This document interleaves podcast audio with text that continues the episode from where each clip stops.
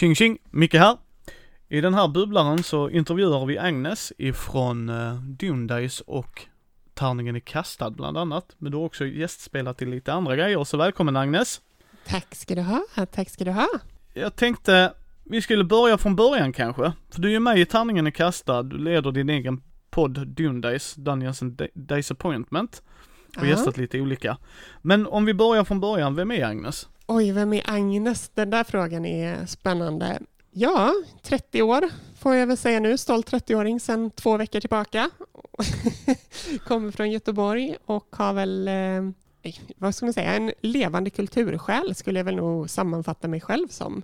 Hållit på med musik, konst, dans och, och allt därtill. Och det var därför det var så skönt när man hittade tillbaka till rollspelshobbyn, där man får mer eller mindre göra allting också. Ja. Ja, det är med korta drag.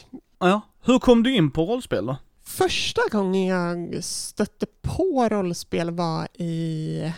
Då var jag nog runt 10-12 års åldern ungefär. Kanske till och med lite yngre, 8-9 började vi nog med gamla um, Drakar och Demoner-böcker som vi hittade. Jag kommer ihåg att vi gick på en sån här gammal eh, tidnings och skiv och CD-affär som sålde massa LP-skivor och, och liknande. Men de hade även en tidningssektion där de även sålde lite böcker och sånt. Och då vet jag att vi hittade lite rollspelsrelaterade saker när vi var väldigt, väldigt unga. Vi förstod inte engelska vid den tiden och allt var på engelska, så vi kollade mest på bilderna och såg att det fanns massa kartor och så, så, så hittade vi på egna regler och, och, och hur det skulle funka och, och hela den här biten. Och sen någonstans där vid 10-12 års åldern så Moa Frithiofsson från Svartviken, vi, vi gick i samma grundskola tillsammans faktiskt, samma klass. Mm. Och vi, eller hon introducerade mig för MUTANT då.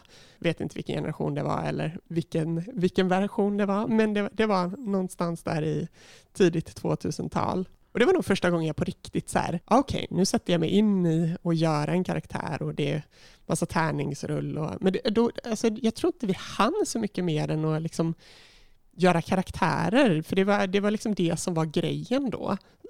då, då det, var, det blev inte så här mycket att spela, utan det var mestadels att bara hitta på allt det här coola till karaktären och så var det väl någon, något försök till spel någon gång. Moa gjorde det väldigt mycket mer i, än vad jag gjorde. Jag var bara med ett fåtal gånger, men, men då, det var första gången som var seriöst så. Och sen ja, så försvann rollspel från mitt liv och eh, var inte en del av det tills för en, vad kan det ha varit, sex, sju år sedan nu som jag tog upp det igen. Och, eh, och då på riktigt liksom egentligen hittade tillbaka till, till eh, det här mer fantasy-inspirerade och, och framförallt då när femte editionen av Dungeons and Dragons släpptes. Eh, Då hoppade jag på det tåget. Mm. Ah, härligt. Eh, vilket är ditt favoritspel, rollspel just nu då? Och det där är en också så här svår fråga. Alltså så här, D&D ligger, alltså Dungeons and Dragons femte editionen, ligger mig extremt nära hjärtat, för det var det som tog mig tillbaka. Eh, och det är det jag har spelat mest under tiden som har, under de här ja, sex, sju åren som har gått. Men eh, efter att precis avslutat vår kampanj i Tärningen är kastad på um, Power by the Apocalypse och Monster of the Week så Ja, det, är, det är som en liten bubblare som, som ändå kommer lite och det, det var en extremt rolig och enkelt system eh, som hade väldigt mycket utrymme för narrativ, vilket jag tycker är extremt roligt. Ja. Men ja, nej, DND är nog tyvärr, tyvärr, men det, det ligger nog i toppen fortfarande eh, ohotat och kommer nog göra det för en väldigt lång tid framöver. Ja, härligt, härligt. Spelar du Mm. brädspel då? Det gör jag. En del i alla fall. Inte lika mycket. Det, det blir oftast de här enkla spelen som man inte behöver sätta sig in i regler så jäkla mycket. Vi har eh, TP-kvällar ganska regelbundet hemma och spelar Trivial Pursuit och frågesport. Ehm, Men självklart så Betrayal of eh, Haunted House on the Hill och alltså House of Madness och lite andra sådana roliga spel. Kört Carcassonne och ja, det, det finns en del brädspel men det är tyvärr inte lika mycket som jag kanske önskar. Det, det är en dyr hobby.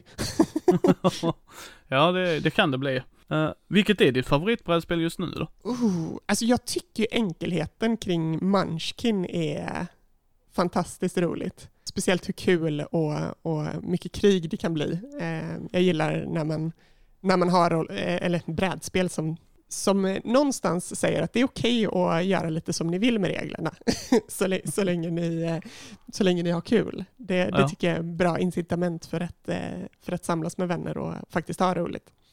Så jag skulle nog säga Munchkin är nog det som jag skrattar hö högast. ja, ja, ja. Du, du är ju med i poddar, men lyssnar du på poddar själv? Det är inte lika mycket som jag önskar att jag gjorde.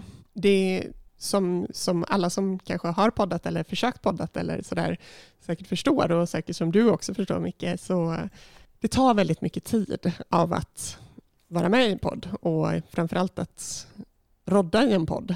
Så tiden man får över vill man helst inte, för man lyssnar så mycket på, på folk som pratar om rollspel när man redigerar och, och när man sitter och editerar. Och, så det gör att jag hinner med någon till några kampanjer per år, liksom, eh, när jag tänker andra poddar. Eh, än utöver det man själv gör då, för det är alltid så, man vill alltid sitta och kontrolllyssna sina egna avsnitt och låter det bra även nu när det ligger i podcast-feeden och, och, och hela den här biten. Eh, men det, det, det är svårt. Jag önskar att jag hade mer tid än vad jag har. Mm.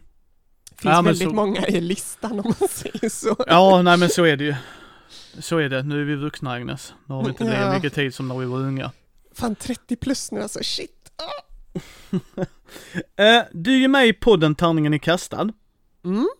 Hur började det? Oj, det började för ett tag sedan, var det två år sedan, när jag blev, efter jag hade gästspelat med Svartviken, så kontaktade Andreas mig från Tärningen i kastad, som även är med i Sweden Rolls och första säsongen av Dundice och så vidare.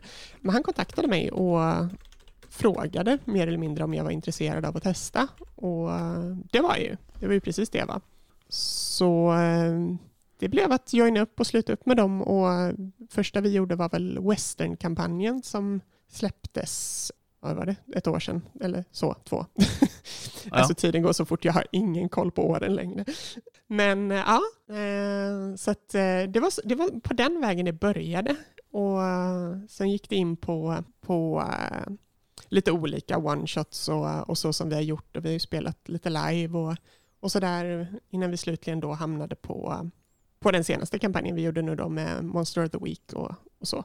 Mm. Vilken är din favoritkampanj som du har varit med i Tärningen är kastad? Ja, men det är Monster of the Week, utan tvekan. Ja. Det är, alltså samspelet och det är framförallt det, det systraskapet som växte upp mellan min och Peters karaktär var... Det, det, det är liksom därför jag spelar rollspel. Det, det är dramat och de både små scenerna och fina scenerna men även liksom enkelheten i det storskaliga. Det, det är väldigt viktiga punkter för mig att, att, trycka på, att man inte bara ser den episka arken, vilket kanske är konstigt för någon som kommer med Dungeons and Dragons bakgrund, men, men, men att man faktiskt ser till enkelheten och vardagen och alla de här vardagliga sakerna som dyker upp för, för karaktärerna och att det faktiskt har en stor påverkan på dem. Eh, och det tyckte jag representerades väldigt, väldigt fint i, i den kampanjen. Mm. Vilken är din favoritkaraktär du har spelat i Tärningen i kastad då? Uh, hmm.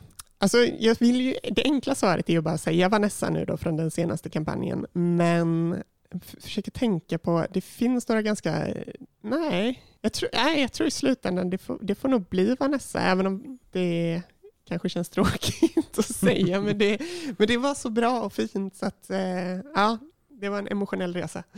Ja. Din favorit-SLP då? Min favorit SLP? Hmm. Den är svårare. Jag... Huh. Där måste jag tänka lite. det, den är inte lika enkel. Alltså, vi har ju haft många... Så här, den senaste kampanjen nu i Monster of the Week, där hade vi ett högkvarter och det var, det var liksom flera SLPs som, som återkom väldigt mycket. Medans många av de andra kampanjerna har det varit många bra som har dykt upp, liksom, men bara som en, en liten, ett litet upptitt av en SLP. Man fick aldrig lära känna dem riktigt. Så att, alltså så här, att Ja, det mest ihågkomna det är ju de som ligger färskast på minnet. Eh, och där är det väl antingen kanske Liam eller eh, Alex jag skulle nog säga Alex är nog min favorit SLP, men det är också för att jag var med och byggde honom själv i min backstory. Men jag skapade extremt mycket utrymme för, att, för Andreas att göra vad han ville med den karaktären. Jag gav honom några få pointers liksom. Mm. Så det var nog ändå roligast, om jag tänker så, att få se honom komma till liv eh, och, och hanta min karaktär. Ja, ja, ja. ja, ja. Eh, Hur ser processen ut för er i Tärningen i kastad när ni inför en kampanj av det? Nej, men som vanligt så har vi ju en session zero. Vi pratar lite om kampanjer och session zero behöver nödvändigtvis inte vara för vi känner varandra så pass väl så vi behöver inte sätta upp regler eller, eller ramar för hur vi ska spela utan det är snarare typ hur funkar det här systemet? För vi spelar ju väldigt många olika regelsystem i tärningen i kastet, eller har gjort det i alla fall, även om vi nu kanske ska ta en lite annan riktning framtiden. Men, nej men det, alltså så här, vi pratar väl en och en med Andreas lite om vår karaktär och vad vi vill ha ut av den och, och lite sådär när vi, när vi har gjort karaktären, vad är det för typ av karaktär och, och vad, vad, är, vad är viktigt att tänka på med den här karaktären? Egentligen som, som vilken annan spelgrupp som helst skulle jag nog säga. Eh, kanske sker lite mer på tu man hand än snarare än då en grupp, men det är för att vi återigen känner varandra så pass väl. Sen så drar vi igång. vi, vi, vi kastar oss väldigt mycket med huvudet före in i saker med, med tärningen i kastare. Det känns som att vi nästan aldrig är riktigt redo. Tre, fyra första avsnitten är alltid så här, vad fan är det här för system och vad gör vi egentligen? Men, eh, men nej, jag tycker det, det, det brukar alltid ordna upp sig där efter avsnitt fyra, fem ungefär. Eh, du nämnde ju det, ni ska göra en ny inriktning.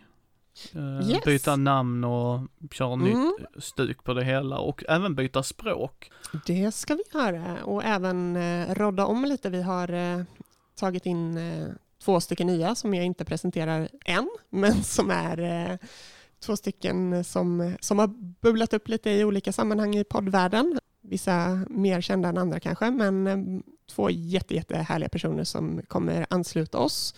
Eh, så vi kommer vara en stort gäng som eh, fokuserar oss i eh, den nya podden Riddles in the Dark, där vi kommer gå in i tolkens värld och ja, inte Midgård egentligen. Och, och det, det här är det roligaste av dem alla, för alla är sådana sjuka tolkennördar och Andreas och Peter, de kan allt verkligen och jag kan i den här podden avslöja lite så här officiellt har sett filmerna typ så här två gånger kanske styck. Började läsa Bilbo tror jag, den boken. Tröttnade efter några sidor och har inte läst något mer av det. så att eh, jag är extremt spänd på hur mycket korrektur och eh, linjaler på fingrarna jag kommer få när jag gör övertramp i Tolkiens värld. Mm. Ja, det är ju specifikt just med den världen och hur Andreas är Tolkien-nörd. Så det ska bli roligt att höra. Eh, ja. det kommer bli super, super roligt. Ja, jag är sjukt taggad. Ska inte spoila för mycket, men min eh, karaktär kommer bli spännande om inte annat. Mm. Eh, Du har ju också gästat i Svartviken rollspelspodd, både som spelare och spelledare. Mm. Hur kom det sig? Det började faktiskt i, eh, med tanke på att jag känner Moa sen, sen barnsben, så, ehm, så blev det att jag, jag valde att kontakta Moa och säga liksom så här, ja, men vad, hur ska man göra när man vill börja podda? Jag vill börja podda. För det, det kände jag ett starkt, liksom så här, efter att ha spelat ja, men, rollspel i, i en, ja vad blev det? Tre, fyra år kanske, så kände jag bara så här, nej, nu är det dags att ta nästa steg. Jag vill, jag vill, jag vill nå ut, för jag vet att jag, jag har så mycket att ge och dela med mig av. Och, och då sa hon, men kom och, kom och testa och, och spela med oss liksom. Mm. Eh, och så, så gjorde vi en liten hemmagrupp faktiskt eh, i Coriolis kampanj då för, för att ja, bara samla ihop och köra. Tanken var väl att köra lite då och då liksom. Eh, och bara för att lära känna varandra. Men efter våran session zero då så gjorde jag väl tillräckligt bra intryck att jag fick eh, chansen att testa och vara med i deras, deras kampanj då på, i Svartviken. Eh, vilket var jätteroligt att få gästa och spela deras ja, spökpilot Tarik. Mm. Och sen, nej men, och jag känner ju dem och vi, hela det gänget är ju så himla skönt och gott så att det är verkligen ett gäng som jag, jag trivs med. Så att det, det har varit jättekul att få, när man ändå är här i Göteborg tillsammans, att få ja, men göra lite saker tillsammans och lite crossovers och få hjälpa varandra, för det, det är alltid kul att bara dela den här glädjen av, av hobbyn. Mm. Ja, jag håller helt med. Men du, du spelade ju också, hur kändes det?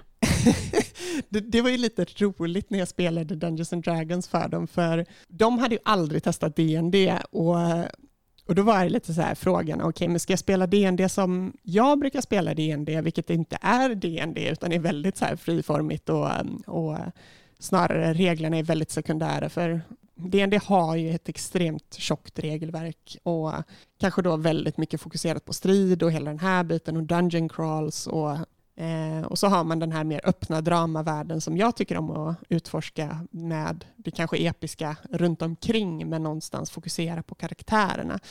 Men då var det lite så här, ska vi göra ett one shot? Ja, men ska vi fan, ja, nej men vi låter dem köra ett riktigt, riktigt rejält dungeon crawl. Eh, det var väl det var, det var både bra och dåligt, för vi fick ju egentligen allt runt omkring själva Dungeon Crawlet blev ju en super, super härlig eh, dynamik kring, kring Moas karaktär som, och eh, de fick egentligen färdigprintade karaktärer som, som jag hade gjort som var generiska oavsett, ja, de hade inget kön mer eller mindre, det var det de fick bestämma och sen var, sen var allt annat gjort. Um, och eh, jag tycker det, det, det blev, blev, en rolig dynamik och de i gruppen blev extremt samspelta samtidigt som själva dungeon crawlet i sig kanske inte gör sig svinbra i podd och det, det är jag helt med på. Men det var ett experiment som vi gjorde tillsammans för att, ja, för att se lite, för att de också skulle få känna på hur DND verkligen kan vara. Eh, kanske inte nödvändigtvis hur jag alltid spelade det. Mm. Men vad var roligast då tyckte du?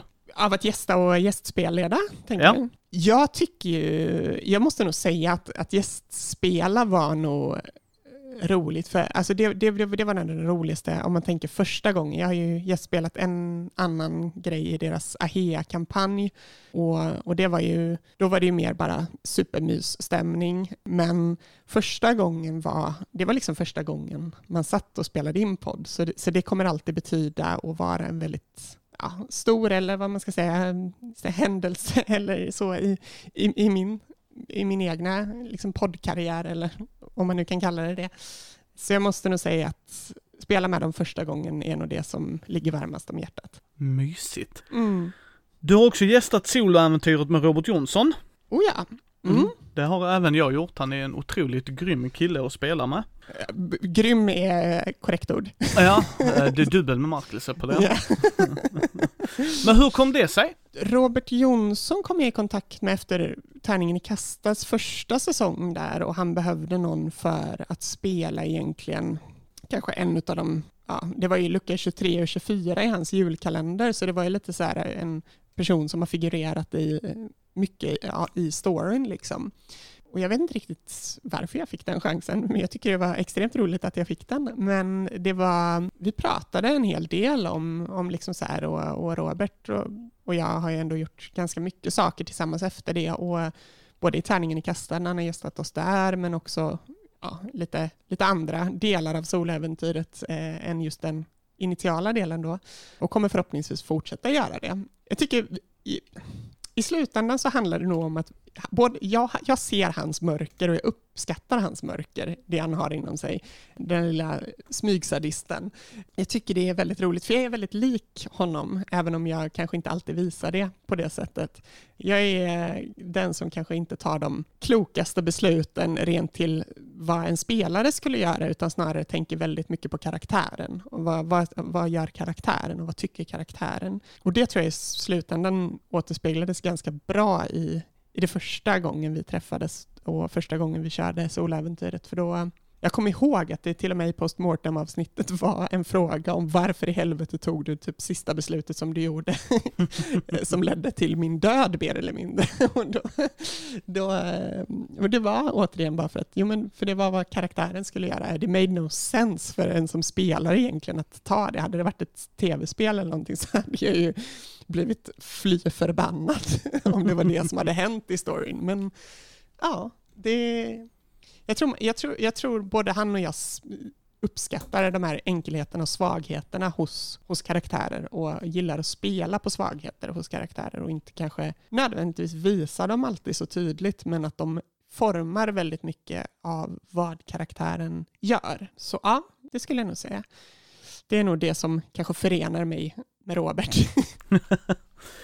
ja, du har ju också varit med i Sweden Rolls, men det är ju där Andreas eh, också är ju, så att där kan jag nog gissa hur du har kommit in där. Men vad, vad har du tyckt var roligast där när du har gästat dem? Det var ju egentligen bara, jag var ju med och gästade dem på en livespelning på Comic Con. Så det var ju, det var andra gången vi spelade, eller som jag spelade live inför publik och det var två lite olika förutsättningar egentligen. Men, men det var extremt kul att få bara träffa det, det mysiga gänget som Sweden Rolls är och, och bara hänga med dem och, och liksom gå in lite i deras värld. Jag, jag har inte, återigen, jättebra koll på Forbidden Lands. Eh, ingenting jag pluggat jättemycket, utan fick väl mer eller mindre, okej, okay, men du ska spela dvärg. Jag bara, okej. Okay. vi, vi gör det bästa situationen, så går vi ut på scen och så kör vi. Och det, det, är väldigt så här, det formar väldigt mycket mig egentligen. Det är så jag är. Jag är väldigt mycket, som jag sa innan, kasta mig i min huvudet före och hoppas att det blir bra. Det, jag hoppas att folk tycker det är bra i alla fall. så att, nej, men det, det, det, var en väldigt rolig upplevelse, men inte... Det var, det var som, återigen bara som att hänga med vänner och det, det är ju det Andreas är och, och även om jag inte känner Angela eller Anneli jättemycket eh, så, så var det kul att få lära känna dem. Mm, härligt, härligt. Mycket mysigt det med ju. Mm. Du spelleder ju din egen podd, eh, Dun, yeah. Dundays, Dungeons and Days Appointment. Hur började mm. den idén? Den formades väl egentligen samtidigt. Jag och Andreas satt ju och uh, tänkte väldigt mycket på, på hur vi skulle ta tärningen i kasta till nästa nivå.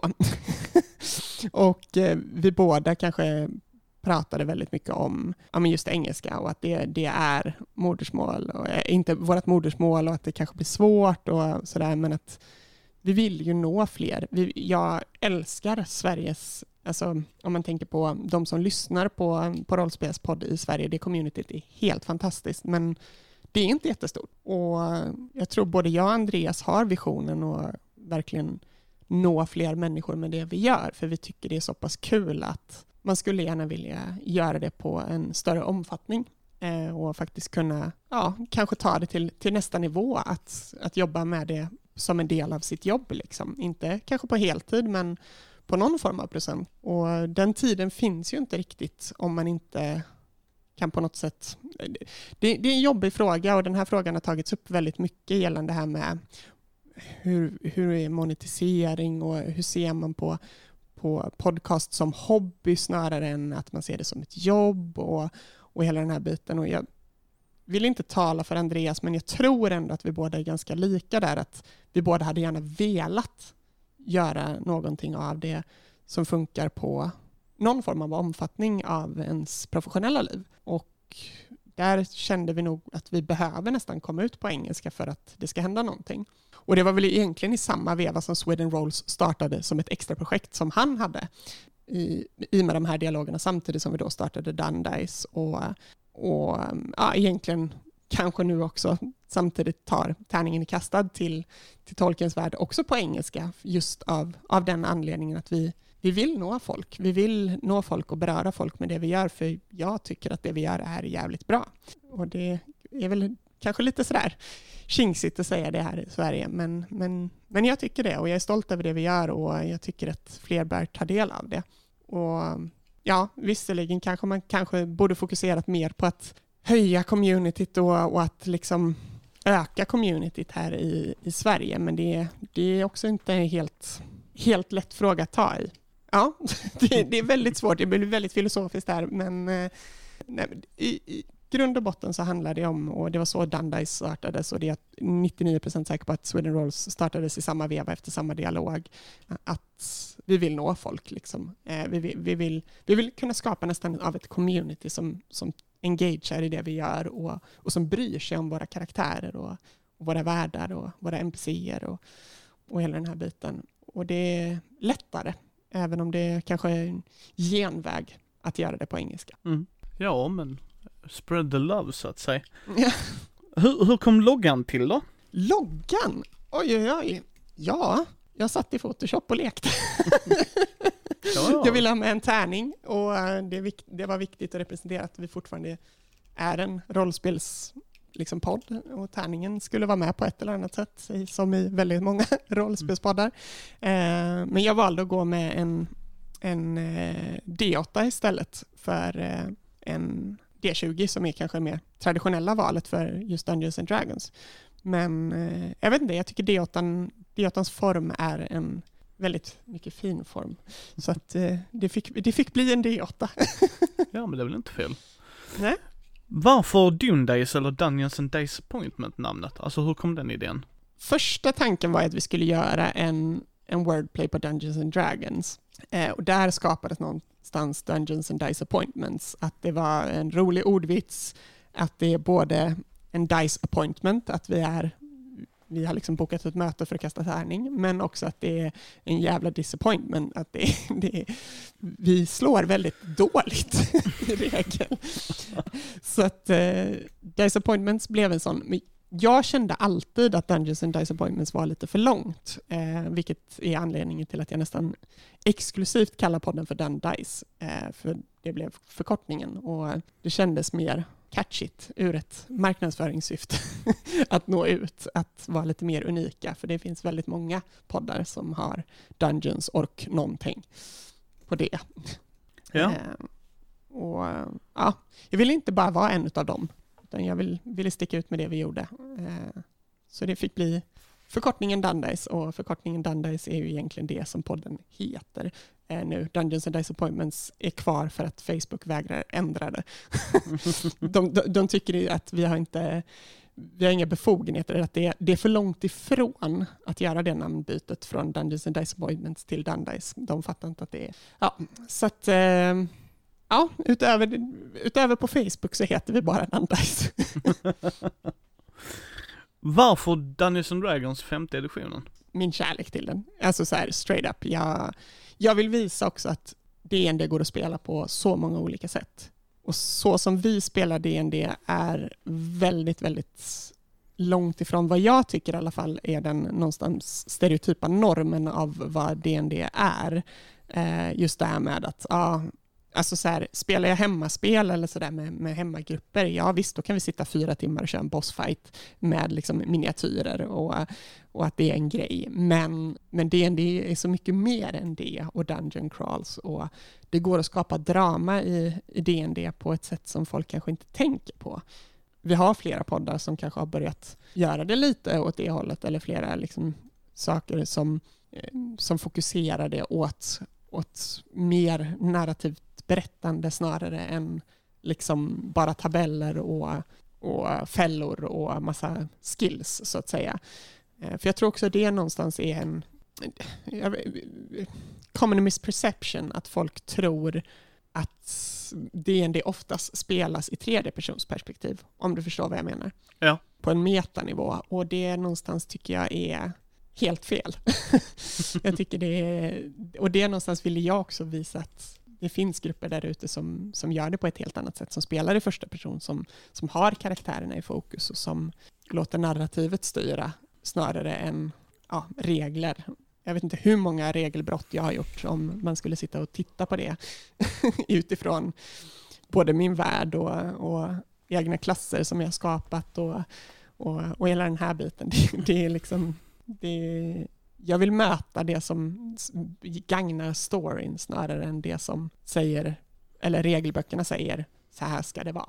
Ja, nej det kan jag förstå ju. Du kan ju spela det spelet på många olika sätt. Ja, det kan man ju. Det är det jag vill någonstans att folk ska förstå. det är men, väldigt mycket hat på det ibland. Ja, ja men så är det ju när något är så populärt. Ja. Men du har ju också gjort en egen klass. Mm. Hur kom det sig och hur vad tillvägagångssättet där då? Den grundade sig egentligen i några olika inspirationskällor men jag hade en storyline som jag ville verkligen spela och det handlade om story-arken som vi hade för första säsongen av eh, Dundice och den handlade väldigt mycket om lynchningen av magiker och, och en ganska så här känd fantasy plot-hook om man säger så. Men, men jag tycker inte det är riktigt i femte editionen. Det har funnits i tidigare editioner som prestigeklasser och så vidare har det funnits eh, liksom någon form av Mage Hunter eller någon form av sådär Mage Slayer och, och så vidare. Och det finns ett feat som heter Mage Slayer i femte editionen, men det, det, det är liksom det enda som finns. Men jag tänker mycket på Dragon Age och hela Templarorden och, och väldigt många sådana som, som väldigt många fantasyberättelser har någon form av vi jagar Eh, vi, ska gå på häxjakt snarare. Och uh, literal häxjakt, att uh, lyncha magiker. Um, och och det, det, kände jag att jag ville göra och det kände inte riktigt att det fanns någon bra. Jag googlade runt en hel del på, på homebrew ja, varianter på folk som hade skapat egna saker men hittade inte riktigt det jag sökte så där någonstans så skapades idén av att ah, men fan, då får jag väl göra en klass. Eh, då, då gjorde jag den klassen som skulle heta Anti-Mage, eh, som hade två subklasser då i form av Mage Hunter och eh, Spellmorpher, som var den andra varianten. Eh, där Mage Hunter ganska förklarligt då är den som jagar eh, magiker och kanske mer på lynchningssättet, att battla magiker på det sättet, medan spellmorphers är också en form av antimage som, som morfar magin och tar de magiska trådarna från ah, deras originalstate till, till att göra dem till något annat för att förhindra då magi på det sättet. Så det blev en väldigt, väldigt kul klass och det var många roliga homebrew-sessioner man hade här hemma med one-shots och så vidare där man speltestade klassen innan vi gick in i podden. Och det, ja, jag kan säga att det första stadiet var den jäkligt overtunad. fruktansvärt, eh, fruktansvärt stark. Men jag tycker ändå den landade i en ganska bra neutralt läge där vi ändå hittade en balans för Tobys karaktär då som spelade Mage Hunter. Mm. Men härligt, härligt. Men vilka är med och spelar i Dune Days då? Ja, nu var det ju ett litet tag sedan. Eh, corona är ju en härlig grej när man ska försöka samlas och träffas och göra saker.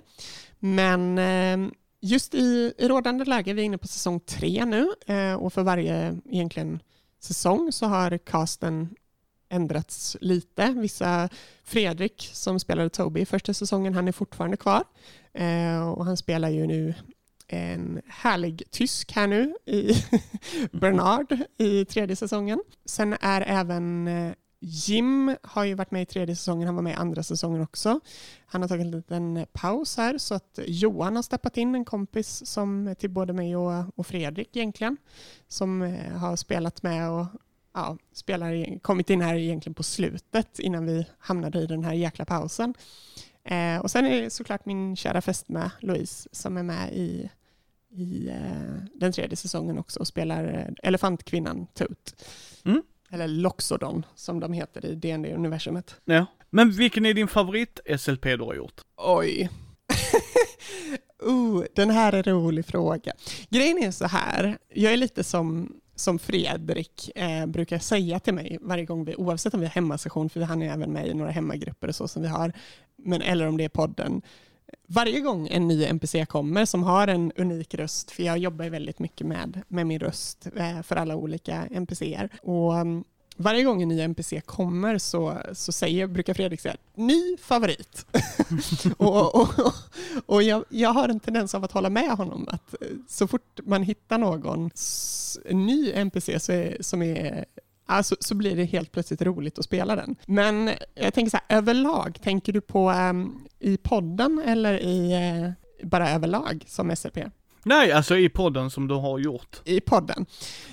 Men då skulle jag nog ändå säga att en av mina favoriter, åtminstone om jag ska dra lite så här nära till minnet nu, är ju definitivt antingen draken som, som jag spelade i den tredje säsongen. Han är han är extremt maffig. Eh, men Tom Sull, en jätte egentligen eh, för en bergsklan uppe i, eh, i eh, eh, Daggerford som ligger i min värld, egentligen då Snowpeak. Där, som, han var med i första säsongen, jag tror det är sjunde avsnittet som till och med har ett avsnitt uppkallat efter honom. Eh, det är nog en av mina absoluta favoriter att spela, för han var, han var liksom maffig och stor samtidigt som han var kanske inte den skarpaste kniven i lådan, men han var en jäkla krigare liksom. Eh, så han, eh, han, han, han var nog en av dem som kanske jag fortfarande kommer ihåg. För det är, det är många NPCer som, som gör snabba cameos och så vidare och som inte kanske får fäste i storyn på samma sätt som man kanske alltid önskar. Men så, så är det ju när man spelleder. Det man har så många NPCer som ligger på lut. ja, men så är det ju. Ja, nej, men Tonsull skulle jag nog säga. Ja, vilket är ditt favoritögonblick? Mm. Just i Dundies historia så måste jag nog ändå säga att när Toby drack lyrumrot som är en extremt stark eh, hallucinogen ja, rot som eh, skapar väldigt mycket kaos med hjärnan. Det avsnittet tror jag fortfarande, alltså så här, varje gång jag lyssnar på det avsnittet så skrattar jag ihjäl mig. Eh, och jag kommer fortfarande ihåg eh, hela det här kaoset med att on the spot bara komma på massa dumheter egentligen, mer eller mindre. Så att, ja, det är nog ett av mina favoritmoments. Sen eh, om man tänker positiv bemärkelse, eh, negativ bemärkelse eller så här mer kanske sad bemärkelse så när Iona eh, gick bort under säsong två det var nog också ett väldigt så här, känsloladdat moment om man tänker lite åt andra hållet. Det var väldigt sad att on the spot mer eller mindre döda av henne utan att hon kunde göra så mycket åt det. För att hon tog ett dumt val som, som dödade henne mer eller mindre, utan att spoila för mycket. Mm. Men du, är det du som redigerar allt? Ja, det stämmer. Mm. Hur, eh, var det så som du väntade dig eller är det en sån grej som folk kanske underskattar? Oj, det är verkligen en sån grej som folk underskattar. Just redigeringen är, och eh, framförallt klippningen, att göra klippningen snygg. Det är inte det att jag klipper bort mycket, utan nästan allt som upplevs runt bordet, bortsett från kanske vissa superinterna skämt eller någonting som klipps bort. Men utöver det så är ju allt verkligen där.